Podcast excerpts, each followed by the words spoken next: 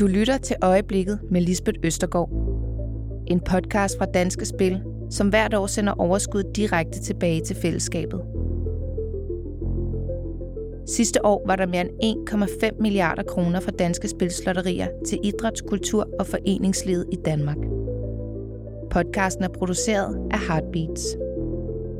Gæsten i denne episode er cykelrytter Mads Wirtz Schmidt. I ungdomsrækkerne blev han flere gange verdensmester i enkeltstart. Og i 2021 opnåede han det forløbige højdepunkt i hans professionelle karriere, da han slog et stjernebesat felt og tog titlen som Danmarksmester i linjeløb. Nu. kan du bare se her. Ja, se det. Så tag det her, vi ligger og kører ind i feltet. Oh. Sanden, du kan også skubbe. Det kan jeg da oh. Jeg tænker nogle gange, at man må simpelthen få Claus af at ligge derinde. Ah, nej, nogle gange så kan det godt være lidt ubehageligt, når vi kører sådan en nedkørsel på en stor vej, for eksempel. Fordi der er, altså. når det er små veje, så bliver det bare trukket ud i en. Så ligger man bare og kører på en række ned. Ja. Men øh, de der store hovedveje, sådan nedkørsel, hvor vi kører... Jamen, det er vanvittigt jo. Kører 80-90 km i timen. Det ser så sygt ud. Hvor vi stadig kæmper for holde positionen ja. med 90 i timen, der er sådan lige... Det er fucked up. Der har alligevel mit liv lidt kært. der er nogle af de psykopater, synes jeg. Altså, det, det er vanvittigt. Så nu kan jeg prøve at skubbe dig ud over her. det kan prøve. okay, det kan jeg ikke. Danmark er et lille land med stolte sportstraditioner. Men ingen af vores atleter er kommet sovende til deres succes. De startede sikkert også med pomfritter og toast i kafeteriet, men sidenhen har de trænet, kæmpet og gennemgået nederlag, for til sidst at stå øverst på sejrskamlen og skabe de gyldne øjeblikke, som vi alle husker. Jeg hedder Lisbeth Østergaard, og hele min barndom, der har jeg gået til al den sport, som jeg kom i nærheden af. Og nu er det mig selv, der står og hæpper på sidelinjen, når mine egne sønner de skøjter rundt i den lokale ishockeyklub og skaber en helt anden slags gyldne øjeblikke. Men ingen af de øjeblikke var blevet til noget uden passionerede ildsjæle og det helt særlige foreningsliv, som vi har i Danmark. I den her podcast tager jeg derfor ud og møder vores atleter på deres hjemmebane og får et indblik i, hvilke øjeblikke, der har defineret deres vej fra miniput til mester. Hvad har de offret? Og hvem har hjulpet dem på vej? Og hvordan føles det, når et langt sportsliv kulminerer i det afgørende øjeblik? Man skal være lidt svin, når man kører cykelløb også, jo. No. Vi kører ikke for at udfælde for at få venner. Vi sidder så tæt der på hinanden. Ja. Altså, og så kan man, kan man godt gøre noget, uden folk kan se det? Ja, altså man kan godt give en albu ned på... Hvis der er en, der kommer ind foran en, så får ja. lige en albu på, på ballen. Og hvis de bliver ved, så presser man hele kroppen. Og så. Bliver det farligt? Jo, men det er faktisk sjældent, at folk er styret af det. Det er mere, når, vi rammer, når folk rammer hjul på hinanden. Ja. Så hvis jeg rammer ham foran, så, ja. så, så er det... Jamen, så mister man bare balancen. Ja. Men det er faktisk ikke så tit, der er nogen sagtens lige få en ball. Har du brækket noget? Nej, jeg har heldigvis aldrig brækket noget. Nå, det er sgu godt. Stay der. Ja. ja det, nej. Ja, det er godt. Knock on wood. Ja. Masser af, af hudafskrabninger, ja, tænker jeg. Ikke? Ja, det, ja. min Ej, er blevet smadret sidste år. Og... Ja, det er bare ar, det der fra... Ja. Shit. Øhm, Også på knæene. Ja, der, jeg tror ikke, der findes nogen cykelrytter, der ikke har ar på knæene. Øhm, og jeg styrtede i Vueltaen sidste år, ja. hvor øh, jeg faktisk den første, der ned. Og det var det var en stor bred hovedvej, og det var hele vejen, der var... Fordi ham, det? ham foran mig, han, jeg kan tydeligt huske, fordi vi lå, altså, der var lidt side modvind, så der var sådan gang i feltet, og alle vil gerne frem, og så ender man med at køre hvor der ikke er vind, mm. og så mhm. ligger hele feltet og har sådan en rotation -agtig. Og så ham lige foran mig, han kørte bare lige 5 cm til venstre. Og de der, det der sekund, der det føltes som 5, jeg kunne bare sige, mm. fuck. Så begyndte jeg at ryge ned, så røg jeg ned. Hele min arm, den fik og så om på ryggen. Jeg havde også, her jeg blev også syd, fordi mit Ej. øre, det var ved at blive... De var simpelthen ved at rykke af? Flået af. ja. Det er altså ikke en helt ufarlig sport, du har valgt dig. Nej, det er det ikke. Nej. Det der tror jeg ikke, man tænker på som 8 Nej. Men. Jeg tror, det er nok mere været min mor. I dag er jeg på min egen hjemmebane her på Amager, hvor jeg har besøg af en mand, som til daglig bor i Girona i øh, Spanien. Han er nemlig professionel cykelrytter, og han hedder Mads Wirt Schmidt. Og øh, tak Mads, fordi du har tid til at være her i dag. Jamen tak for invitationen. Vi øh, har jo lige været en tur ud og køre på, øh, på cykler, og når jeg siger cykler i flertal, så tror jeg, du vil rette mig, fordi øh, jeg tror, du mener, at der kun måske var én cykel, og så en eller anden havelåg. Mormorcykel og, øh, ja. Altså mit og udstyr, racercykel. Det var ikke sådan helt ala dit, vel? Nej, nej. Nej. Men, Flot hjelm. Ja, den var flot. Orange, det skal den ja. I hvert fald have. Øh, der er stor forskel på mig på, når jeg cykler øh, ned og henter børnene, og så når jeg sidder der alligevel sammen med dig i dag, fordi jeg kan godt mærke, det er en anden intensitet. Og jeg tror også, de fleste af de lyttere, der lytter med her, de engang har, har set jer professionelle enten i fjernsyn, eller også har de måske selv stået her i sommer øh, og set øh, nogle af jer øh, til Tour de France. Øh, vi skal snakke om din øh, karriere, og øh, som altid, så starter man jo et eller andet sted. Og hvor startede, øh, hvor startede din interesse for cykelløb? Jamen, den har været der lige så længe, jeg kan huske. Mm. Øh, min far, han var på landsholdet i mountainbike. Øh, jeg kan ikke huske, eller jeg ved jeg faktisk ikke, om han stoppede, da jeg blev født, eller om det lige fortsat nogle år endnu, men han blev i hvert fald ved med at køre mountainbike-løb. Og, og min mor, hun, hendes bedste veninder, de var op fra den lokale cykelklub i, i Randers, og, og jeg var bare vokset op op i cykelklubben. Øhm, så, så jeg har været ude og se cykelløb lige så længe jeg kan huske. Så da jeg egentlig kunne tage en licens og begynde at køre cykelløb, øh, så, så gjorde jeg det. Altså så stoppede jeg med fodbold, og så, så, var det, så var det cykelløb, jeg skulle køre. Men trænede, tr- trænede ikke så meget dengang, men, men det var, øh, der var i hvert fald ikke plads til, til to sportsgrene. Det var, det var cykling, det skulle handle om. Og øh, så, så startede jeg med at køre cykelløb. Jeg var, jeg var 8 år, og jeg, man må egentlig først få licens det år, man fylder 9, men jeg tror, jeg fik noget dispensation til at starte et år Der tidligere skal være faktisk. nogle fordele. Øh, så, så jeg kørte faktisk, jeg tror, jeg kørte to og et halvt år i, i den yngste klasse, hvor det normalt bare er to. Så, så det har været øh, lige så længe, jeg kan huske. Det er måske egentlig et dumt spørgsmål, det der med, hvordan var det at vokse op i en familie, hvor cykelsport fylder så meget? For du har jo ikke prøvet andet. Nej, jeg ved ikke, hvordan det er. Men kan du alligevel beskrive, altså var, var det bare sådan, der var cykler over alt, og alt handlede bare om cykling hver weekend? Og... Jamen altså, min, min bror, der er halvandet år yngre end mig, han, han startede så også, da han, han var gammel nok til det. Og så var det jo, altså vi... I weekenderne, der var jo cykelløb rundt i, i hele landet, og, og børneklasserne, det er ofte dem, der starter først. Så, så nogle gange, så er vi jo sgu op klokken, klokken 5 om morgenen for at køre afsted til Vejle, og, og vores cykelløb, dengang vi var 8 år, de var altså ikke længere end 11-12 kilometer.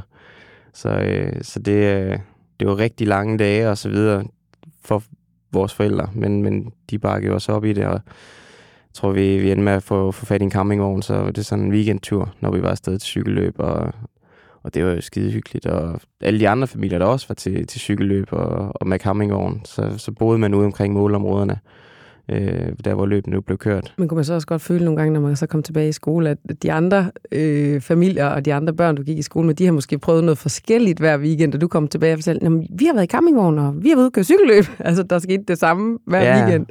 Ja, det kan jeg godt nok ikke rigtig huske. Der var, jeg kan huske, der var et par lærere, de var ret interesserede i det, fordi jeg var også den, jeg tror, jeg var den eneste på hele skolen, der cyklede, kørte Mm. cykelløb. Ja. Og mit allerførste år, der, eller mit andet år, der havde jeg lidt, øh, lidt succes. Men så begyndte de andre at udvikle sig lidt hurtigere, end jeg gjorde, og så sejkede jeg bagefter. Men, men jeg kom hjem med pokaler. Mange pokaler hver weekend der. Mm. Det var nyt, fordi inden inden da havde jeg bare spillet fodbold, og der fik man jo ikke rigtig så mange pokaler. Jeg fik en pokal, når sæsonen var slut. Og så efter tre år som fodboldspiller, så har jeg fået tre pokaler, men efter øh, øh, tre måneder som cykelrytter, der havde jeg jo næsten 10 pokaler allerede. Så det var meget sjovt og også sådan spændende, og det var lidt fedt at komme i skole en gang og vise sig frem, og så Se, hvad Jeg har vundet. fået en pokal og en pokal igen, og sådan. Var det også noget af det, der var med til at tænde sådan din cykelgnist, tror du? Jo, det er en, en, en del af det, det er jo det der, altså jeg har også det, jeg vil gerne vise, at jeg, jeg er god til det Mm. også, og det, det har jeg da også haft dengang. Når man kommer ud af sådan en øh, cykelfamilie, hvor at øh, alle i familien øh, er dygtige til det, kan man så tale om, at der er sådan et medfødt talent, og skal man så kæmpe lidt ekstra for, fordi så, er der, så skal man faktisk være bedre end de andre, fordi nå, men du er jo bedre, for du kommer ud af den og den familie. Mm, nej, det tror jeg ikke. Øh, altså for mig kom det ret naturligt. Øh, der er min, min bror, han havde et kæmpe talent også. Jeg tror faktisk, jeg har også snakket med ham om, jeg tror faktisk, han kunne være blevet bedre, end jeg er nu. Øh, men han havde så ikke øh, talentet for at træne hårdt og viljen til det. Øh, det erkendte han også bare for et par år siden, at han skulle ikke være cykelrytter længere. Øh, men, men talent, det er en ting, men, men når man først kommer op i, i en alder, hvor det virkelig gælder, hvor du ikke er det eneste talent længere, mm. øh, og kommer til at køre med internationalt, så, øh, så skal der arbejdes hårdt. Der skal arbejdes rigtig hårdt. Og, og der er det ikke, øh, ikke nok med talent. Så er det så viljen, den, der den er slår. meget sigende, den der, jeg tror, et eller andet talent, det er 5% eller 10%, Mm. og resten, det er hårdt arbejde. Vilje slår talent. Ja, øh, Mm. og, og det, det kan jeg kun skrive under på. Du starter også med at, at cykle der sådan rigtigt, da du er omkring 8. Og hvad er det sådan ligesom for et miljø, man kommer ind i, når man begynder øh, i modsætning til fodbold?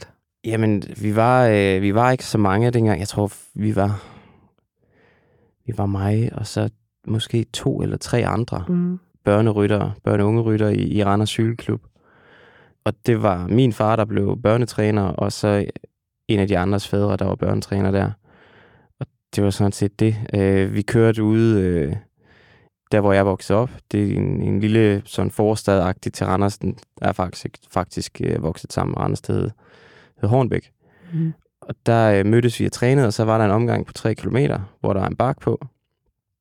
Og der lå vi bare og kørte omgang i en time, og så var det spurt op ad bakken, hver gang vi kom til bakken. Så galt det om at komme først op hver eneste gang. Men så stille og roligt, så i løbet af årene, så, så den der gruppe og, og børneafdeling på en ungeafdeling i Randers Cykelklub, den voksede. Så jeg tror, vi var op omkring 30 på et tidspunkt. Øh, børn og, og unge ryttere, der, der trænede der og kørte de der omgange. Og der var træningslejr inden sæsonen startede i, i Silkeborg faktisk. Jeg boede på, på vandrehjem. Og, øh, og klubaftener hver mandag, hvor vi var ude at cykle inden, og så op og spille bordtennis og, og få en sodavand. Det lyder hyggeligt. Jamen, det var Og der sådan, som det og skal så, være. Så var der, tror det var hver, jeg kan ikke engang huske det, om det var hver, ja, der var den der mandagstur, og så Mhm. onsdagstræning, eller whatever, og jo ældre vi blev, så kunne også begynde at køre lidt med de voksne, øh, og de kørte tirsdagstræning og torsdagstræning, og Men, men at tage mere og mere tid. Ja, Ja. Men, men, men som barn var det, altså, det er et fedt miljø Ja. at vokse op i. Og, og også et sted, hvor jeg blev opdraget jo. Altså, de holdt os jo i ørerne, fordi de var jo vores trænere, og i cykelsport, hvis man gerne vil blive bedre, skal man også styr på sine ting, og altså, lave også opføre sig ordentligt, og, og bliver, ja, vokser som, mm. som mennesker, og, og der er øh, cykelsport, cykelsporten er en, en, en rigtig god skole at, at komme i, i forhold til det at vokse op og lære at stå til ansvar over for sig selv og, og alt sådan noget. Husker sine stumper. Præcis. Jeg har stået en gang før, jeg glemte min cykelsko. Det var så heldigvis kun i Hobro, så vi kunne godt nå hjem og hente dem igen. Men det er altså træls. Men, øh, men det, det gør man kun én gang, og, og det samme med, altså, hvis din cykel ikke er klar, når du skal ud og træne, og hvis du har en aftale med nogen, alle de der små ting med at have styr på sine ting, orden, altså have styr på, hvordan du spiser, og for at du har energi til at træne, og det er sådan lidt små ting, jeg faktisk begyndt at lære min, min lillebror øh, på, på 12 år nu, Mm. hvad han skal gøre i forhold til, hvis, hvis han gerne vil være god i en træning, hvordan skal han så have styr på sine ting, for at træning kan blive god. Og, og det øh, kan jeg mærke på, at han er lidt øh, interesseret i det, men Det er fedt. det er alt det, som jeg selv gik igennem dengang, og jo ældre jeg blev, hvor meget mere ansvar, der ligesom bliver lagt på ens egen skulder, at, at, fordi det er en, en, en sport, hvor det er dig selv på cyklen. Det er ikke, du er ikke 11 mand om at få fat i en bold. Det er dig selv. Du kan ikke læne dig op af andre. Og så alligevel, så fylder det udenom faktisk ret meget, men det kan vi komme ind, Ja. øh, det kan vi komme ind på lidt senere. Så, så, så det er, øh, altså det er et, et, sted, Ja. hvor man, man vokser rigtig meget, også i en ung alder. Jeg ved, at der var et, øh, et øjeblik i dit liv, hvor du sådan øh, også voksede lidt måske, og blev lidt mere rank i ryggen. Det var på det tidspunkt, hvor du kører, kunne køre fra din far. Ja. Hvorfor det? Jo, min far han havde trænet mig siden, jeg ved ikke hvornår, og jeg tror, det, da mig og min bror, vi var 4 og 5, eller også før det, da vi var 5 og 6, der, var vi jo, der kørte vi et motionsløb i Randers, hvor vi var på vores små børnecykler, og vi havde altså sat os for, at vi skulle køre 50 km ruten. Det pissede ned den dag, men Super. min far, han tog øh, turen med os, mm. og da vi var 8, 9, 10 år, der var vi nede i, i Frankrig, i de helt store alber, og køre de bjerge der, på, på 20 km. Og altså, godt nok haft en tålmodig far. altså det, da, da Felix han var begyndt, min lillebror, han var begyndt at cykle på ham efter en øl på, da han var 8 år, og jeg var ude at cykle med ham, der var godt nok bare, okay, vi, vi tager en genvej her, så vi hurtigere hjemme. Fordi... du havde ikke samme tålmodighed som din far? Nej, det havde jeg ikke. Det var godt nok imponerende. ja. Øh, men, men han kunne jo altid køre frem da jeg var lille, ja. og så op til ham, fordi han, han, når jeg var ude og se ham køre mountainbike løb mod de bedste i Danmark, så var han stadig nogle gange i top 5, top 10, og, og det var jo det var vildt fedt. Og så da jeg lige pludselig kunne altså, køre fra ham, det var helt underligt. Hvor gammel var du der? Jeg tror, det var da jeg var 16 måske. Ja. Jeg har været der 16, 17 i, i ungdoms juniorårene der, der, der begyndte det at vende. Fedt øjeblik. Har det altid været nemt at have sin far som træner? Øh, eller har det også sådan lidt øh, været en belastning, fordi... Nej, fordi min far han var ikke sådan en rigtig pacer, eller altså sådan, han holdt og selvfølgelig i ørerne. Altså, hvis det var, vi ville noget med det, så, så skulle vi også træne, og vi blev også sendt ud at træne, men, men det er jo ikke, øh, det, er jo ikke det der regime, han kørte. Sådan har han, sådan har han aldrig været. Mm. Øh, og han var heller aldrig en af dem, de der fædre, der stod på sidelinjen og råbte og skreg og skabte sig. Som, altså, der har han, han altid været helt, øh, helt stille og rolig. Men, men altså, vi skulle stadig træne jo. Og husk en gang, der blev jeg bare sendt ud, en dag jeg virkelig ikke gad at træne, så sagde du skal bare køre minimum 12 km ud, så må du vende om og køre hjem igen. Og så ved jeg ikke, hvad det Så lige pludselig så stod jeg i Bjergbro. Jeg der er det længere væk end 12 km. Ja, og jeg var 8 år gammel ja. og stod i Bjergbro, og jeg kunne ikke finde hjem. Ej. Og øh, fik tomlet en gammel dame ind til siden, når vi prøvede at ringe til, til hjem, deres hjemmetel, min forældres hjemmetelefon, dengang der var fastnet, og deres mobiltelefon, men de var i haven, og så jeg stod der, og så hentede en ældre dame, og hun spurgte, om hun skulle køre mig hjem, men vi kunne ikke få cyklen ind i hendes bil, og så øh, til sidst så prøvede hun at forklare mig, hvordan jeg kom hjem, og så fandt jeg hjem af, og så kom min far imod mig der. Han, de har været ude og lede efter mig, fordi de kunne, altså, de var, jeg var otte år gammel, og jeg cyklede til Bjergbro øh, alene. Der er alligevel et stykke. Der var en, ja, 25 km eller sådan et eller andet. Og så skulle jeg også retur igen. Og så øh, tænkte jeg, du skulle bare køre 12 km ud. Jamen nu gik det lige så godt. Ja. ja. Så, så, det er vildt så jeg kom til at køre lidt for langt. en meget tålmodig far. Altså, jeg vil ikke engang lade min øh, søn på syv køre alene ned for enden af vejen, altså. Når man så bliver ældre og rykker ud af de øh, trygge rammer i Randers, så hedder det jo selvfølgelig stadigvæk nogle øh, løb her i Danmark, men også nogle internationale løb. Og i 2010, der har du et U17 DM i enkeltstart. Hvad er det for et løb, og hvilken betydning har det for dig? Det er et år, hvor der var i, i min fra, fra U11 og ind til, til og med U15, hvor øh, kom i puberteten og begyndte at udvikle sig, der var jeg lidt efter de andre, tror jeg. Jeg, var, jeg blev ved med at være en lille proppe. Jeg, der gik lige et par år, før, før jeg begyndte at vokse, og, og blev strukket lidt ud og blev lidt mere slank igen. Så, øh, men det kom i, i, i 15-16 års alderen, og egentlig mit første år i, i U17, der, der begyndte jeg at køre stærkere, og jeg kunne følge med, og jeg tror, jeg blev nummer 6 eller 7 til DM i enkeltstart for U17 som første års. Og det gjorde så, at jeg blev udtaget til landsholdet for første gang. En stor prototrup øh, i U17.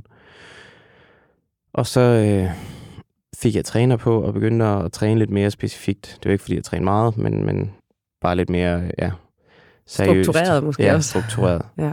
Og så øh, kørte jeg godt på enkeltstarterne det år, og igen det år, og jeg tror, jeg blev top 3 til Jysk Fynsk Mesterskab, mm. og, og bare sådan generelt kørte godt. Og der har jeg så tænkt, okay, DM enkeltstart, det er, det er mit mål i år. Det er muligt. Og det, der så også var heldigt, det var, at det DM, det faldt sammen med, at der er et rigtig stort etabeløb for U17 i Østrig, hvor det danske landshold sendte seks eller syv mand ned. Jeg blev ikke udtaget til det, men de kom hjem dagen inden det her DM enkeltstart. Og det var jo så de seks bedste i Danmark, der var dernede. Ja. Så de var alle sammen trætte af det, de kom hjem og kørte DM i enkeltstart. Og jeg vandt med et sekund i Holstebro over en, der havde været der sted der. Og han var faktisk også fra Holstebro, så han var på hjemmebane. Øh, og jeg vandt med et sekund. Var det ikke det vildeste ever? Jo, jeg var altså Danmarksmester. Altså, mm. det er jo det, er det største der var på det tidspunkt i den alder, det er jo, at man kan ikke blive europamester i U17 eller verdensmester, men Danmarksmester. Det var, øh, det var vildt. Og det var også et, et år, hvor øh, de havde fået øh, en trøje tilbage til, altså nede i U17, der har I aldrig rigtig været trøjer i, i de små aldersklasser, men Den kommer først højere op. der fik jeg en trøje, hvor Ja. der stod U17 Danmarksmester. Jeg har stadig trøjen derhjemme. Den ligger under sengen. sådan en, man hjemme- aldrig smider ud, mor. Ja, men jeg har rigtig mange øh, forskellige Ja. ja. trøjer og, og, og ting, til- ting og sager. Så det var, øh, ja, det var stort. Jeg kan huske, øh, det var i Holstebro, så TV MidtVest, de var ude, og til børne- og ungdoms-DM, der er ungdomsklassen er den største klasse. Ja. Og de ville gerne lave interview, men jeg havde aldrig været tv før. Jeg var meget generet en gang, så jeg stak af. så det ville du dele med? Nej, og mine forældre, de kom grinende over. De står lige derovre. Og så, Nej, kom med bilen, og jeg skal over gennem over bilen. Nej, hvor er det sjovt. Ja.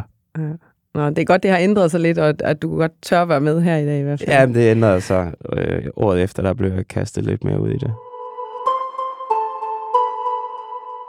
Jamen, fordi at, at du så vinder det der, det giver dig jo så øh, blod på tanden, og, du får også lov til at køre det der U19 VM i enkeltstart, som jo er på hjemmebane i København. Ja. Jeg tænker, fra, fra du vinder, øh, fra du vinder øh, DM, der bliver træningen også lidt anderledes, så gør den, ikke? Jo, altså, jeg øhm, blev så, rykker så en klasse op i, i U19 og første års der, og, og kører også, altså kommer på, på hold i et juniorhold i Herning, Mm. øhm, hvor vi kommer lidt til udlandet og kører. Jeg bliver også udtaget til, land, til landsholdet og kører lidt med dem i udlandet i den, den løbserie, der er for, for U19, og, og kører øh, en, en god sæson, og faktisk øh, vinder en, en enkelt start i udlandet i et etabeløb i Holland, og så bliver jeg nummer to til DM i enkeltstart det år. Kasper Folsak, han vinder. Og det var så nummer et og to til DM, der blev udtaget til VM. Mm.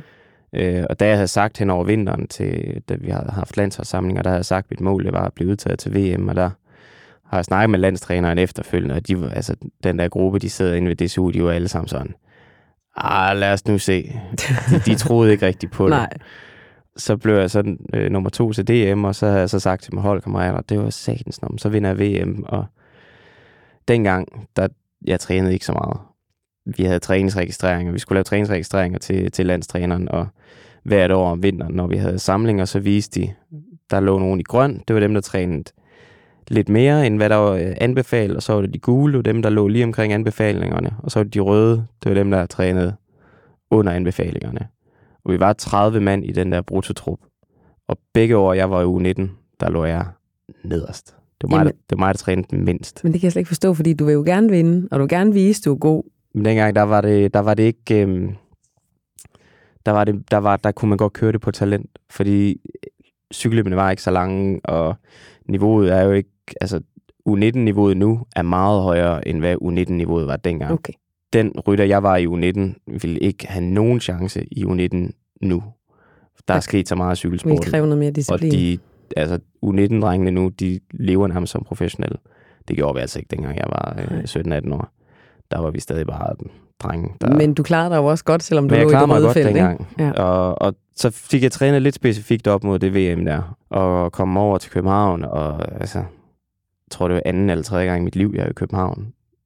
På det tidspunkt, jeg var 17 år. Altså, jeg havde ikke været her ret meget. Men du har været i udlandet og kørt store løb, jo. Ja, ja. Men det var alligevel specielt men, at køre men det er også specielt, for det er jo København, og det er jo første gang i mange år, at U19-VM var sat sammen med de professionelle. Så vi boede på hotel sammen med de professionelle, og sidde der og spise aftensmad sammen med, nu kan jeg ikke engang huske, hvem der kørte de professionelle fuglesanger og en eller anden øh, øh, dem, der kørte enkeltstarten. Sådan, det var en helt ny verden, jo, og det var kæmpe stort, og det blev vist på TV2, og, Ja.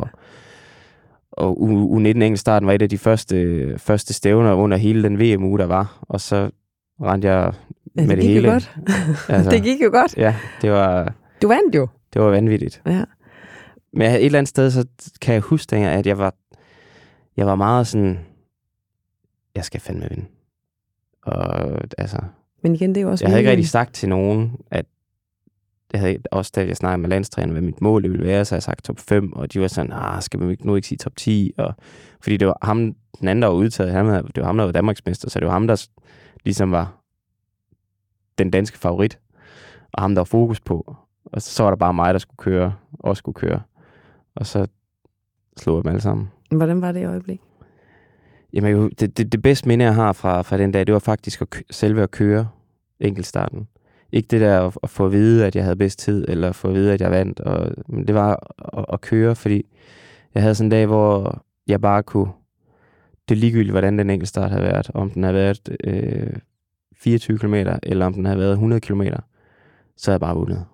Jeg var, jeg, føl, jeg kan bare, jeg kan huske den der fornemmelse, jeg havde i kroppen, at det bare spillede. Det var, det var vanvittigt fedt. Men så, og så efter det, så var det jo det medier af. og kameraer foran mig konstant, og ja, mit første interview der, det, Der det var, du altså ikke løbe fra den. Nej, det kunne jeg nemlig ikke. Det var live lige efter, og jeg anede jo ikke, hvor mange der så det, og det skulle være på engelsk, og jeg kluder bare rundt i det der engelsk. Øh, Og det var lige efter det der med Willy Søvendal, Eld Ice is melting on On the poles, og der var lidt sammenligning over det. Ja. Ja. Altså, jeg kan bare, ja. Men prøv at høre, du Og så har havde lige, jeg bare kamera foran mig i du har lige uge vundet, nærmest. altså, du, ja, har, ja. du har lige vundet øh, VM, altså. Ja, ja, og så op på, trøje, op på, på podiet og få, få trøje på, og regnbuestriberne på. Og altså, Ja. ja. det er jo så ikonisk en trøje i cykelsporten, og så havde jeg lige pludselig den. Jeg husker, stod på scenen, og jeg var så nervøs for at gøre noget dumt, og den der skammel der, den stod lidt skævt, og mine ben, de rystede helt vildt, så jeg kunne bare høre den der skammel, hvordan den klirrede mod gulvet Ja. op på scenen. Og det var, det var vildt at prøve som, som 17-årig. Det, det var en kæmpe oplevelse. Jeg ved jo faktisk, at du, altså selvom du har vundet, hvad skal man sige, noget, der var større end det her, så er det faktisk, så er det måske alligevel den her sejr, der betyder mest for dig i dag.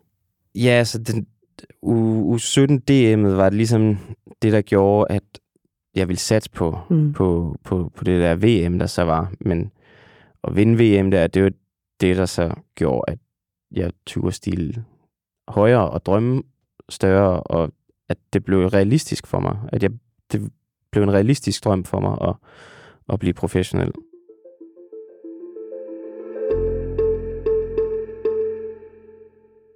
Nå, men altså, øhm, du bliver ved med at vinde ting, fordi du bliver, øh, du bliver jo ældre, og i øh, 2015, så skal du til øh, U23 VM i enkeltstart. Og det gik jo også godt. Ja. Hvad var det for et løb? Jamen, det var...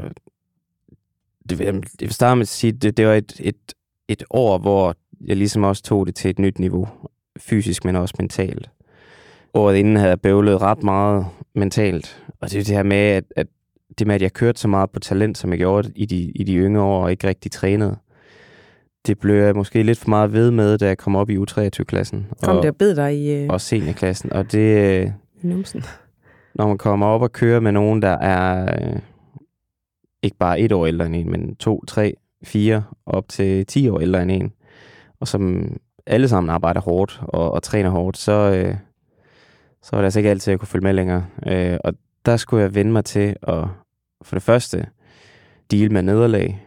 Øh, for i, i U19-klassen havde jeg bare havde været sådan lidt, hvis jeg ikke kunne vinde, så stod jeg bare af og sådan forkælet møgunge mentalitet, at hvis det ikke gik min vej, så gav jeg bare op. Er du en dårlig taber? Det var jeg dengang. Jeg var rigtig dårlig taber. Der var nogle gange, altså, hvis, hvis det var, at jeg havde kørt cykel, og jeg ikke havde vundet, så kunne jeg sidde, altså, jeg kunne sidde i en time i en klapstol, og der var bare ikke nogen, der skulle sige noget til mig. Så rigtig forfærdeligt. Men det siger du. ja, ja. øh, og så, øh, så, så det skulle jeg lære, og, og der var nogle skuffelser i, i 14, som, som Mm. gjorde, at, at det gik godt på landevej. Altså, det gik ikke godt i cykelløbene, og, og så mistede jeg lysten til at træne. Jeg synes bare, det hele var, det hele var bare røv. Og så efter en måneds tid, uden at have trænet, og cykelløbene, der bare gik dårligt, så var jeg sådan, nu gider jeg ikke have det sådan her mere, så nu begynder jeg at træne igen. Så begyndte jeg at træne igen, men cykelløbene, de var stadig bare elendige. Og efter et, et virkelig dårligt DM i 14, så øh, kørte for, for, for Michael og Christa Skelde ved Team, Team Cool Energi. Mm. Og der, øh, efter DM, så ringede de så og sagde, du skal lige komme til Horsens, du skal komme til møde. Uh-oh. Og der var sådan, shit. Jeg tænkte, jeg skulle ned og have skideball, fordi Ja. jeg havde været så ringe. Og så jeg skulle tage mine forældre med. Og så er den helt gal. Ja, skulle ned og stå skoleret, men så var de, de, kunne, de, de vidste, hvilket talent jeg havde, og, og hvor god jeg var, når det var jeg var godt, altså når det var jeg var god, og, så, og de kunne tydeligt se, at der var et eller andet galt. Og jeg havde aldrig været ude i sådan noget før med, Så de var at, faktisk bare at ops det var, dig. det var oppe i hovedet, der var galt. Mm. Mm. Øh, så, så de var, øh, der er noget galt, og vi er her for at hjælpe dig, og vi vil gerne hjælpe dig med øh, at komme over det og komme igennem det. Fordi den masse, som jeg var der, det er jo ikke den, de kendte, og det er jo ikke den cykelrytter, som de vidste, jeg kunne være. Fik du sådan noget jeg hjælp? Var, ja, det gjorde jeg. Øh, der er Christa, hun har noget, noget psykolog, øh, uddannelse og kurser og noget. Jeg ved egentlig ikke specifikt, hvad det er, men, men hun, hun har et eller andet inden for, inden for faget, og, Mm. og hun hjalp mig rigtig meget. Og bare ved samtaler om whatever, så fik jeg vendt det hele stille og roligt, og havde en, en træningslejr, og, og kom egentlig ok ud på den anden side. Øhm, Ja, for det vinder jo så for dig. det gjorde det nemlig. Det vinder fuldstændig for dig i i løbet af, 15 jo. sæs- af, af 14 kom jeg, kom også til at vinde cykelløb i slutningen af Ja. 2014. Øhm, hen over vinteren, faktisk lige da, da sæsonen 14 er slut, der øh, U23-landstræner Morten Bennekov, han, han ringer og spørger, om, han, om jeg godt kunne tænke mig at få ham som træner. Det gjorde noget. Øhm, nu fik jeg, altså han var jo U23-landstræner. Det er ham, der har skrevet alle træningsanbefalingerne. Og det her med, at, at hvor meget man skulle træne. Og nu skulle jeg bare følge hans program. Så jeg, jeg gjorde, som der blev udstukket. For en gang skyld trænede jeg faktisk meget, og jeg trænede hårdt. Og, og altså, jeg fulgte programmet. Og så gik det bare pisse godt. Jamen, du, får- du får en masse ting, øh, du får en masse sejre her, for du får faktisk en etape i Ungdomstour de France, ikke? Jo. Er det her? Jo, men hele, hele det år var, Ja. var, var bare et år, hvor jeg blev bedre og bedre og bedre. Og, og det er jo også det med mentalt, at selvom jeg ikke kørte på cykelhold for Christa og Michael længere, Ja. så Christa, hun blev ved med at hjælpe mig. Øh, og blev ved med at, at vi blev ved med at snakke sammen. Og den største læring det år, det var, at man kan godt vinde cykelløb, selvom det går ondt i benene. Sådan var det ikke før, dengang jeg bare var ung og Der var, du, du talentfuld stod af, hvis det Altså, gjorde ondt. Ja, præcis. Så der lærte jeg at køre cykelløb med ondt i benene, og vinde cykelløb med ondt i benene, og lærte um, det her med, hvor meget man egentlig skal lide. Så- Det, det, det, det, det var et, et vildt år 15, øh, fordi det også bare gik godt. Altså, det var, Så Morten Bennekov, hvor stor betydning fik han for, altså, for hvor du er i dag? Altså? jamen, kæmpe betydning. Øh, det var det år, hvor min fysiske udvikling virkelig tog fart, fordi jeg begyndte at gøre det arbejde, der skulle til. Mentalt var det året inden det begyndte med, med Michael og Christa Skelde, men, men, men min fysiske udvikling, den startede rigtig, øh, rigtig der sammen med Morten.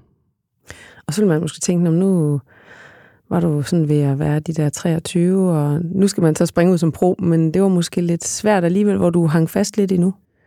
Ja, altså, jeg, øhm, jeg jo stor havde jo spring det at her år tage, i- at tage. Ja, ja. Altså, jeg havde jo det her år i 15, og, og egentlig normalt, hvis der er en, der gør, kører de resultater, som jeg kørte i 15, hvis der er en, der kører de resultater nu, så Ja. vil mange hold stå på spring med at stå med kontrakter klar. Der var også nogle få muligheder for at blive professionel. Det der er VM, det ligger sidst på året. Og der er de fleste hold, de er fyldt op til året efter. Men er det fordi springet er så stort imellem at være stadigvæk ungdomskører og så være professionel? Der, jeg tænker, der, der sker virkelig meget der. Ja, om der, der, der sker meget. Øh, det, er en, altså, det er ud af, af trygge rammer. Øh, Var du klar? Nej, det var jeg ikke det år. Nej. Øhm, Bennekår, Morten her var også sådan lidt, ja, lad os nu lige tage det med ro. Øh, jeg synes, de synes stadig, at jeg skulle have et år mere som, som U23-rytter. Det var jeg egentlig enig i. Nå, fordi efter det, år havde jeg by- opbygget så meget selvtillid, at jeg tænkte, Det er fedt lige at nok- blive her. jeg skal nok blive professionel. Ja. Det, som jeg, har, altså det, jeg havde kørt det år, det skulle nok give mig en professionel kontrakt. Og så fortsatte jeg egentlig bare, som jeg slap, altså året efter. Kom på et nyt øh, kontinentalhold i Danmark, men med det samme vandt jeg et, et, et, et stort etabeløb for, for ungdoms, altså U23 Mm. mm. i, i Belgien, og vandt to etaper ud af fire. Øh, Quicksteps talenthold var med der, og altså, jeg har kørt fra dem alle sammen. Og, Kan du huske alle de sejre, du har vundet? Ja, stort set. Fordi jeg. altså, jeg, jeg, jeg kan ikke følge med længere. Nej. Ja. Og så kort efter det, så skrev jeg faktisk kontrakt. Øh, lavede en, en kontrakt med et World hold, til, der så ville starte i 17. Så jeg skulle stadig køre 2016 kon- øh, sæsonen havde færdig. kontrakten. Men jeg havde kontrakten, Ja. ja. Jamen, øh, så er det jo, at i 2017, så bliver du jo så professionel hos øh, Team Katusha Alpacin. Og det er vel en drengedrøm, der går i opfyldelse her så. Ja, ja, det var det bestemt. Altså, allerede i 16, jeg kan ikke huske, om det er oktober eller november eller whatever, der øh, har vi første teammøde, hvor jeg ligesom får flybillet og har siddet og kunne følge med i, hvilke ryttere, der ellers skulle køre for holdet året efter, og komme afsted på den der samling ned og prøve tøj. Altså på, på World Touren, der får vi fedtet tøj efter os. Der skal vi ikke bare vælge en størrelse. Der Der måler de. står nogen og måler op, hvor lange ærmerne skal være, hvor stramt det skal sidde, og altså det hele der, og komme hjem med en kasse af alt muligt fra de der Alpecin, de, altså de der hårprodukter, og whatever. Øh, altså, der var lidt fest den ene aften, og sådan lidt forskellige aktiviteter nogle andre dage, og sådan bare komme ind i det der miljø, og altså jeg var jo mega genert, og jeg var jo bare sad og var og fulgt med. For der var for eksempel Tony Martin, han var også kommet ind på, det, på holdet på, til det år, og han har lige vundet VM i enkeltstart for de professionelle for fjerde gang. Wow. Øh, så han var jo, altså, han, han var jo et idol for mig, og sådan, Men blev man taget godt imod, eller var det sådan lidt, når du er ham den nye, du skal lige vise os, hvad det er, du kan? Nej, nej, der blev taget rigtig godt imod, øh, og de, de troede rigtig meget på mig allerede altså fra start. De troede på, at jeg kunne blive ja, en af deres nye topryttere. Så, øh, så der blev taget rigtig godt imod mig. Man kommer jo så ud i verden og møder nogle andre hold også, og, og det er måske der, man sådan ser de store kulturforskelle, altså fra det, man kender hjemme i øh, lille Danmark til de andre pro ud fra, fra hele ja. Ja. verden. Altså, hvad var det for nogle forskelle, du, du mærkede der? Jamen altså, under skælte og under bindekår på, altså, på landsholdet med bindekår og, og, og skælderne. Øh, man lærer at møde op til tiden. Man lærer at være effektiv. Øh, man lærer at altså, have styr på tingene. Det er der altså bare nogen andre, der ikke har. En ting der er, når vi, når vi kørte med skælte, når vi var ude at træne, Mm. øh, hele holdet sammen, der stopper vi måske en gang ja, halvanden time for lige at tanke, fylde op i dunkene, og så lige en tidspause, og så er det sådan set det. Det gør vi også ved de professionelle, men der nogle gange, så kunne de stå og slutte, altså vi kom ingen vegne, for, og så stod vi bare stille i 10 minutter i vejkanten. Og jeg står bare og venter, fordi ved skiltet, der blev det altid. Man begynder at cykle, når man er klar. Ja. Så hvis du ikke fik ordnet dit lort, og fik øh, taget den ekstra hue på, eller handsker med det samme, og fik fyldt lommerne og dunkene, hvis du ikke var hurtig til det, skulle til at fange de andre, fordi de var jo bare kørt. Man kører, når man er klar. Ja. Og jeg stod bare der og tænkte, fordi så når, da vi gjorde det første gang med Katusha for eksempel, så stod jeg der, og jeg ordnede mine ting, bum, bum, bum, hurtigt, og så stod jeg der, og så stod jeg bare og trin. Nå, Og de andre, de havde ikke helt samme disciplin. der var nogle, de var først lige på vej af cyklen, og jeg hader de der træningspauser, fordi det, altså, stå der i 10 minutter, står bare og kugler. Så føler man, at man spilder tiden, når man jeg har, været vant til det altså, på en jeg har måde. prøvet, jeg har prøvet en gang at stå og sige, okay, boys, you go when you're ready. Der er ikke nogen, der hørte efter.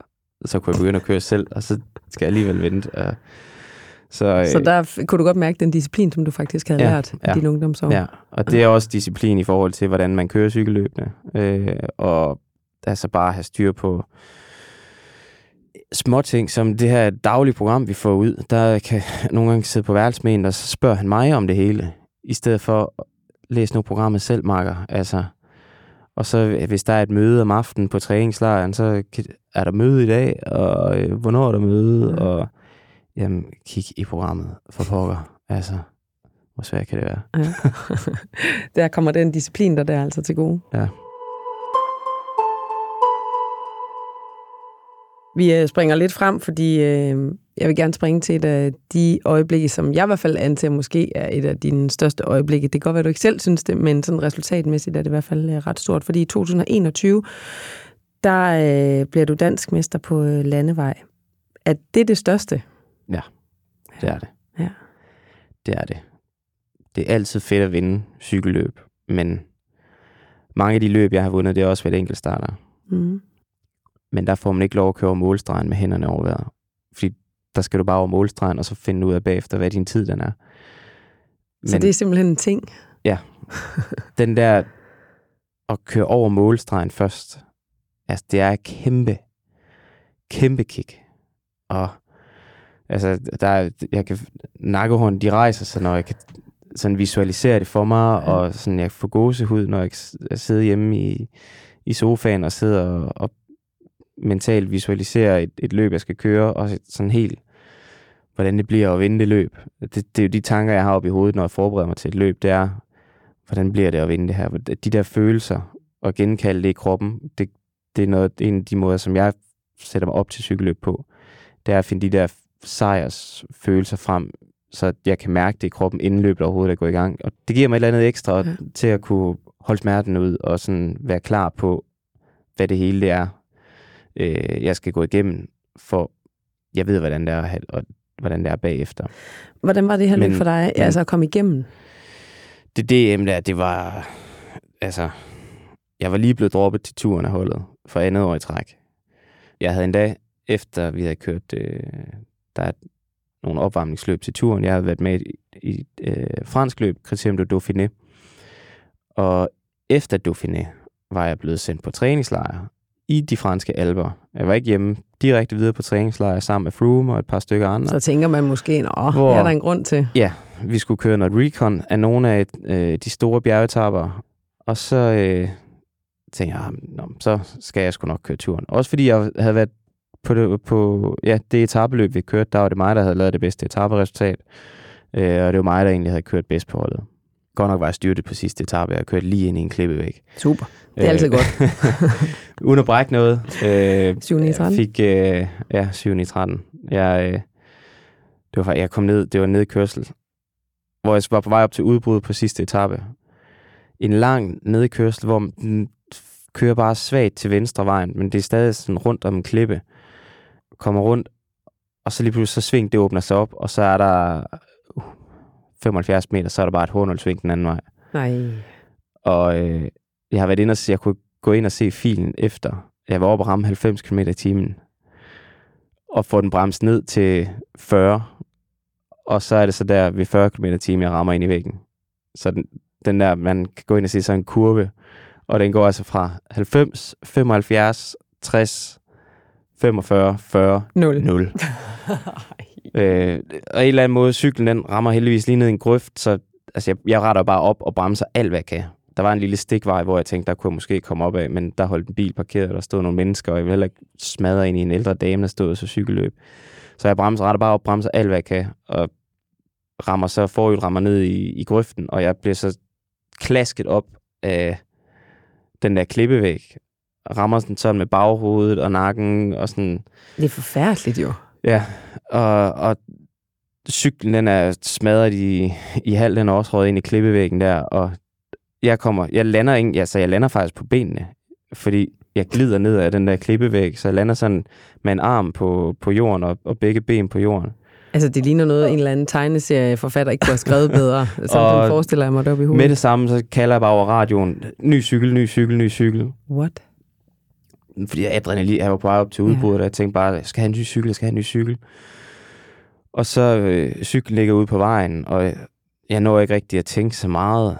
Øh, servicebilen den er stadig nede bag ved feltet. Felt, fuck, feltet kommer lige om lidt. Min cykel ligger ude midt i det hele. Og jeg var sikker på, at nu kommer de også bare bravende og ind i væggen. Og, samme, og ja. ja. Så jeg kommer over for at hæve cyklen væk, og så står jeg lidt, og ny cykel til Mads, ny cykel til Mads over radioen igen. Og så kommer øh, servicebilen så endelig, og så er der bare en eller anden klap, der går ned, så jeg skal lige ned og sidde. Der var adrenalin, havde der for, kom, forladt øh, kroppen der. Ja, og så blev jeg helt omtoget ja. og svimmel. Og så øh, kom mekanikeren ud, han sagde, du kører ikke videre, Marker. Ja. Øh, og så røg jeg, så fik jeg halskrav på, og ambulance, og over på hospitalet. Så lå jeg på hospitalet i seks timer med den der omkring Nej. halsen, og blev undersøgt, men jeg havde ikke brækket noget, og, og egentlig, jeg havde lidt øh, hovedpine, men det var egentlig ikke fra jernrystelse, det var bare spændingshovedpine fra nakken og sådan. Men, men siger du så, at du tog direkte videre fra det her ned ja, til alberne? Ja, ja, løbet sluttede i alberne. Ja. Så, Nå, okay, så det var egentlig bare en, ja. en halvanden, time, halvanden okay. times køretur. Det der så var, det var, det var et godt sted at være, fordi der kom fysioterapeuter. Ja, ja. Så på den her træningslejr, og hvad var det? Det har været, der var DM søndag, og vi fik at vide onsdag, der ringede de onsdag morgen, ja. Om vi skulle køre eller ej. Og hele træningslejren havde jeg været sådan presset på for, at hvis de allerede ved det, kan de så ikke bare ringe og fortælle det? Fordi ja. så vil jeg hellere tilpasse træningen i forhold til DM, end jeg vil tilpasse den i forhold til at skulle køre Tour de France. Mm. Men tirsdagen inden DM, der har vi øh, en 8 timers træningstur.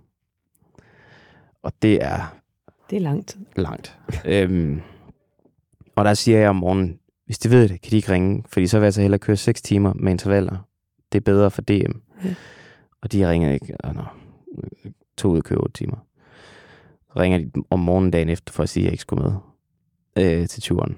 Og så ud og træne et par timer, og så ej, Altså, hvordan, nu, hvordan havde du det der, du... Altså, nu siger jeg, jeg vragede, men hvordan havde du... Du havde jo sat op til, at du skulle køre turen måske. ja, ja. Hvordan ja, ja. havde du det så, da de ringede og sagde, det skal du altså ikke? Øhm, ja, jeg blev, øh, blev forholdsvis bitter.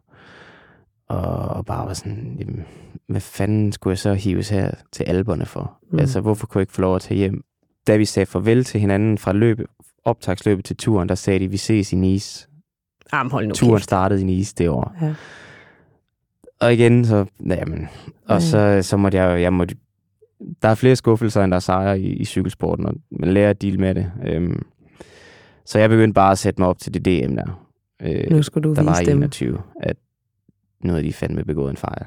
Og, og jeg var virkelig i god form på det tidspunkt. Og Niki, min, min sportsdirektør og træner, han, øh, han har været Danmarksmester fire gange. Nicky Sørensen. Ja, Nick Ja. Sørensen. Han ved, hvordan sådan DM det skal køres.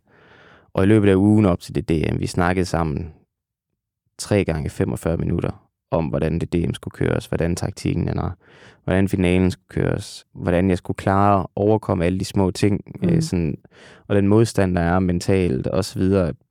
Hvordan jeg ligesom skulle komme igennem alle de små kampe, der er i løbet af et cykelløb, og hvordan jeg skulle køre det hele. Altså det, I havde talt Ja. det til mindste Ja, detalje, ja. fornemmer jeg. Ja. Så det lå bare i, i baghovedet. Jeg skulle ikke engang og sådan aktivt tænke det. Det lå bare i baghovedet, hvordan jeg skulle køre det cykelløb. Og så sad jeg i finalen, og jeg kørte det fuldstændig, som vi har snakket om. Og så vandt jeg. Altså, Det må også have været sådan lidt... Øh, altså, der må, der må have været mange ting i dit hoved der. Et, at du gjorde det. Du gjorde det for dig selv. Du gjorde det, som Nicky han har sagt, men også, at I tog altså måske en forkert beslutning. ja, ja. Altså, jeg, det, Det må have været et så kæmpe vildt. brøl, jeg kørte over Ja. målstregen. Kæmpe. Og med hænderne over Ja, ja, altså, jeg tror, jeg slog mig selv hårdt i brystet eller et eller andet. Og, altså, det var, og det var et meget emotionelt øjeblik, fordi så kom jeg efter, hen efter målstregen og fik lige pulsen kort ned, og så altså, kunne jeg bare mærke, at tårerne de begyndte at presse sig på, og altså, jeg var så lykkelig. Danmarksmester, professionel Danmarksmester, det var eddermame stort. Og jeg har ikke været en, der har vundet så meget, siden jeg blev professionel. Altså sidste år, det er de eneste to sejre, jeg har som professionel. Det var DM, og så en, en etape i, i Treno Adriatico. Så endelig, at jeg fik, for det første sidste år, fik, fik hul på bylden som professionel med at vinde cykelløb. Og så at en af de, altså den ene sejr sidste år, det var i et world og den anden, det var, det var at blive Danmarksmester. Det, altså, det er den største sejr. Og, og det der at køre over målstregen og med hænderne over hovedet, det er, øh, det er bare hvor jeg kan se det på dig. at kunne juble på den måde der. Altså, og det, det er specielt. Det tror jeg, man skal have prøvet for at, at forstå det. Og det er jo de... de Ja, men det er jo sådan, altså, det er også bare sådan en udmavende sport, og adrenalin bliver bare bygget op i løbet af et cykelløb. Og til sidst, når du sidder i en finale og kører på instinkt, og det hele, det altså, du har ikke mere at give af, men det er der, du Men- skal men- finde men- det hele frem. man skal, ikke, man, man skal ikke tænke, man skal bare gøre, og, og det skal bare ligge i en, øh, hvordan man skal køre finalerne. Og det lykkedes bare til perfektion den dag. Og det, altså, det var kæmpestort. Kæmpe, kæmpe stort. En anden ting er også, så får man lov til at trække den der Dannebrugs trikot der, Ja. ikke? I, til hver løb efterfølgende. Ja. Jeg tænker også, det er også en af dem, du har til at ligge, som du aldrig skiller dig med. Ja, ja jeg, har, jeg har heldigvis en, en del trøjer øh, til, til at ligge. Øhm, og de, øh, der er nogen, de har fået, fået æres, æresplads. Jeg fik også en, en cykel specialmalet med, med Dannebrugs farver på. Og altså, man får lige lov at, at max lidt ud på, på lir der. Hvor lang tid er man i sådan en lykkerus efter sådan en stor sejr?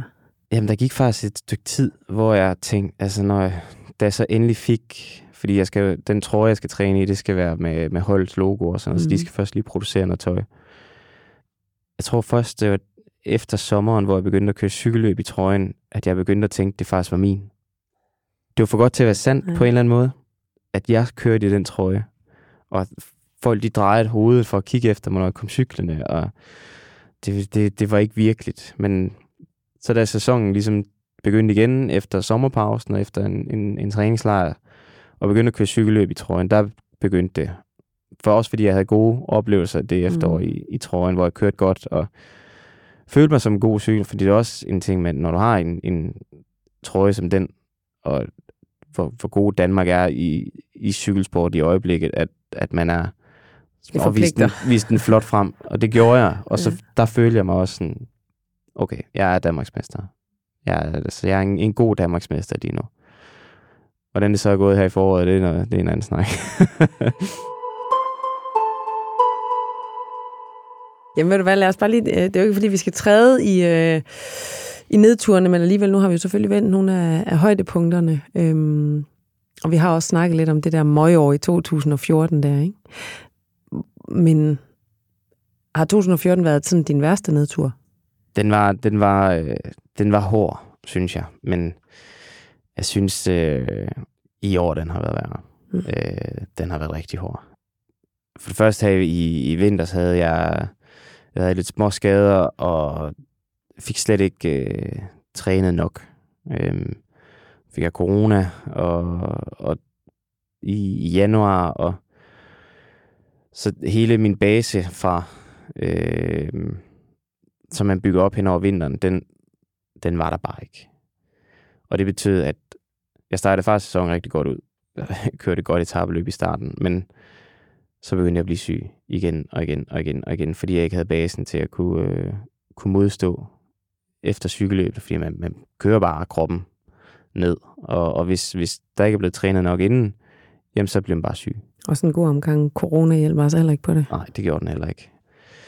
Så jeg havde rigtig mange ja, ufrivillige pauser i løbet af foråret, og, og det, det gik mig jo på. Altså. Mm.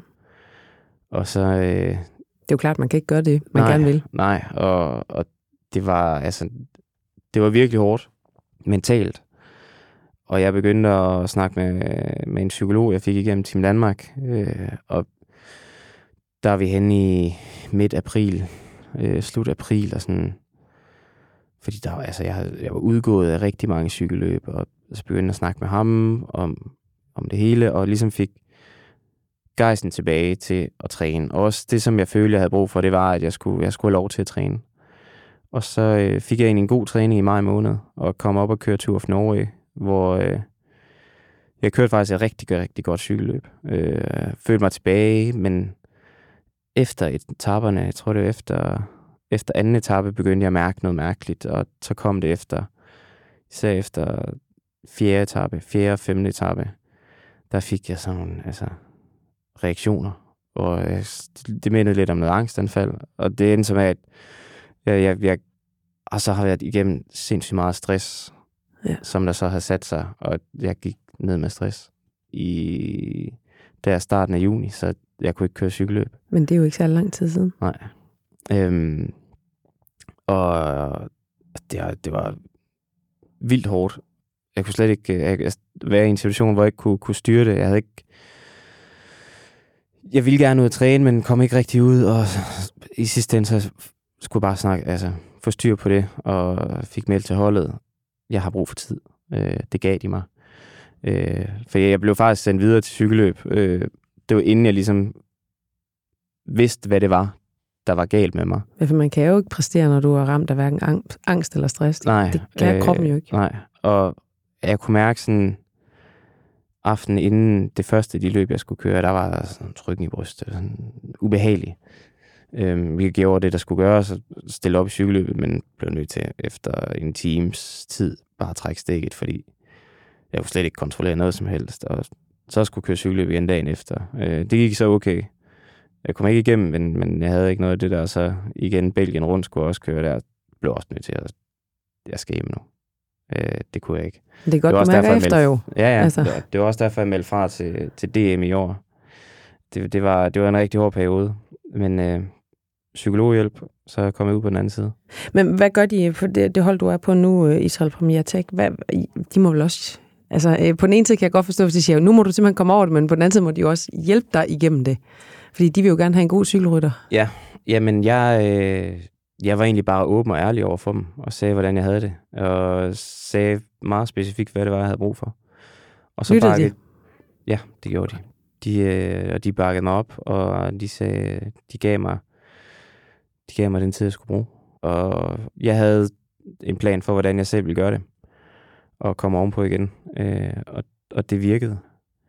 Og nu er jeg ude på den anden side. Jeg havde en god træningslejr i, i Livigno på højde i, i tre uger, og det var egentlig også en del af min egen healing. Det var at få gode oplevelser på cyklen, og det kom også. Og, og nu er jeg ude på den anden side, og jeg kan mærke, at det har givet mig rigtig meget at være igennem det.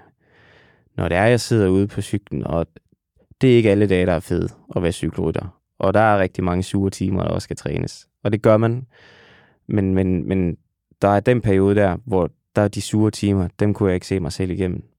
Men nu har jeg fået så meget mere øh, øh, gejst, men jeg har også fået flere værktøjer til at komme igennem de sure timer, og egentlig bare komme ud stærkere på den anden side. Så man lærer sig selv at kende i sin Al proces. modgang, det gør også en, altså det gør en stærkere, og, og de her perioder, jeg har haft, hvor jeg har haft en nedtur, det har gjort mig meget stærkere på den anden side.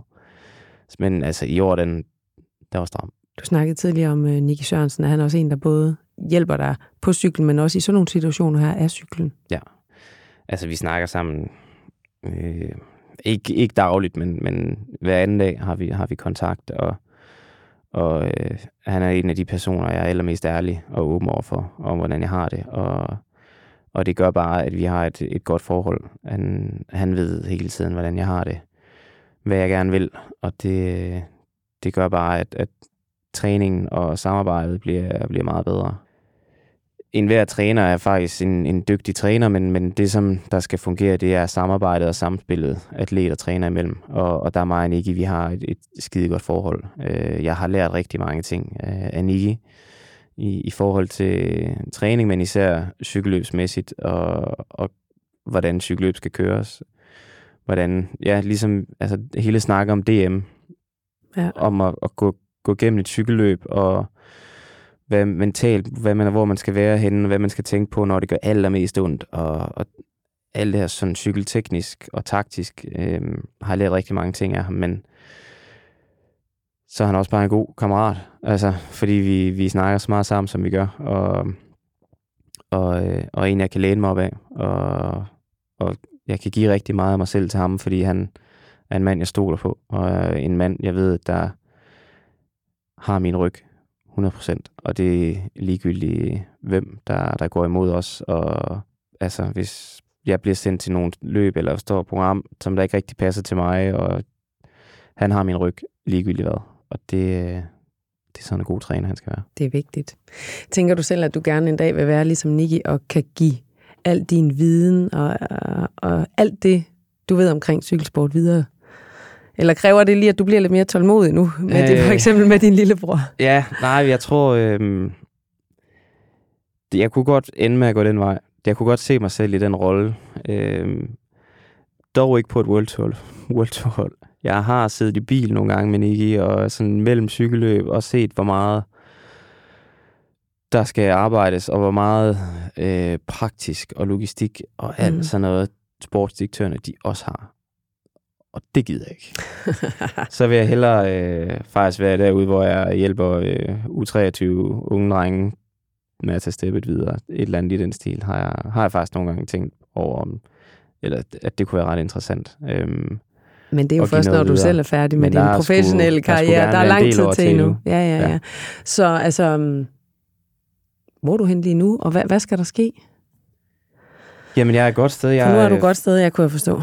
Ja, jeg er i, i god form, mm-hmm. for det første. Men jeg er også, øh, også bare glad og lykkelig over, at jeg er i god form, og at øh, jeg kan køre cykelløb uden Ingen at få skader. de her stressreaktioner. Ja. Og, og bare faktisk, jeg er faktisk øh, pisse stolt af mig selv, at øh, jeg er kommet ud på den anden side.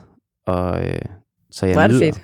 Ja, så jeg nyder, og jeg har nyt at køre cykelløb. Mm. Øh, jeg var til Polen rundt, og, og til Danmark rundt her i, i sidste uge, og ja. kunne køre cykelløb fra front, og køre cykelløb, hvor det er sjovt, og have niveauet til det, og have den mentale styrke til at blive ved med at kæmpe, og blive ved med at kæmpe, fordi sidste etape i Danmark rundt, den var ja, stjernehård.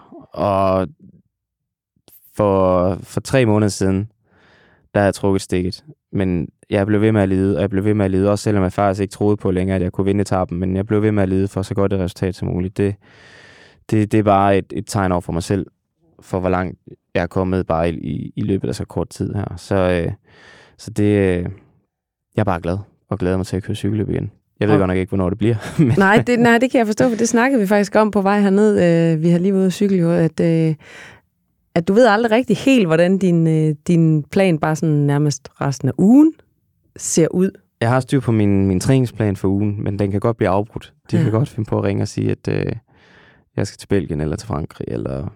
Det Ja. må også være en ret speciel måde at leve livet på, at aldrig vide, om øh, Ja, man kan tage til en fødselsdag eller man skal være om, eller et eller omstillingsparat. Ja. Men, øh, Men er der sådan nogle store løb ude i fremtiden, som du går... Altså, nu, nu, kan, jeg ikke, nu kan jeg ikke lige lade være med at tænke på det der Tour de France der.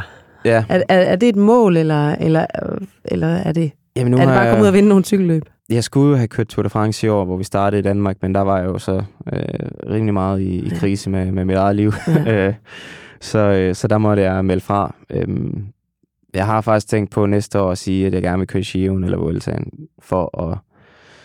Fordi det er også bare at være en del af den her brutotrup til turen. Der er snak hele året. Har du hørt noget? Hvem skal køre? Øh, ham derovre, han ser godt nok dårlig ud. Var? Ham, de tager sikkert ham der med alligevel. Og ham der, han er fra det land, og det passer med den sponsor. Og rigtig meget øh, fnider, fnader og snak i krone. Og lige for en gang skyld, så vil jeg gerne bare undgå det, og så vil jeg gerne bare køre en Grand Tour. Ja. Et af de store tre uger øh, lange etappeløb. Ja. Og det behøver ikke være turen næste år. Det kan komme på et andet tidspunkt, at jeg går efter turen. Nu vil jeg gerne bare øh, ud og køre en, en Grand Tour igen. Det, det er et stykke tid. Altså, jeg kørte Vueltaen sidste år, men jeg styrtede og udgik. Øhm, jeg vil bare gerne øh, ud og køre et, et af de store etappeløb igen. Jamen, øhm, jeg tror på, at det kommer til at ske. Selvfølgelig gør det det. Jeg Jo, kan- det tror jeg også, det skal det nok. du, er et, øh, du er et godt sted, og du er på rette vej. Øhm, og alting øh, sker for gode mennesker. Øhm, Mads Wirtsmith, tusind tak for din tid, og god tur hjem til, øh, til Spanien, hvis det er der, du skal hen, eller hvis du ikke skal Ja, til Belgien, eller hvor du nu bliver kaldt hen. Alt held og lykke i fremtiden. Jeg hæpper på dig og glæder mig til at følge dig. Tak. Du har lyttet til Øjeblikket med Lisbeth Østergaard. En podcast fra Danske Spil, som hvert år sender overskud for lotterierne direkte til udladningsmidlerne. Sidste år var der mere end 1,5 milliarder kroner til idrætskultur og foreningslivet i Danmark. Overskuddet fra de øvrige selskaber går tilbage til staten, til gavn for os alle. Podcasten er produceret af Heartbeats.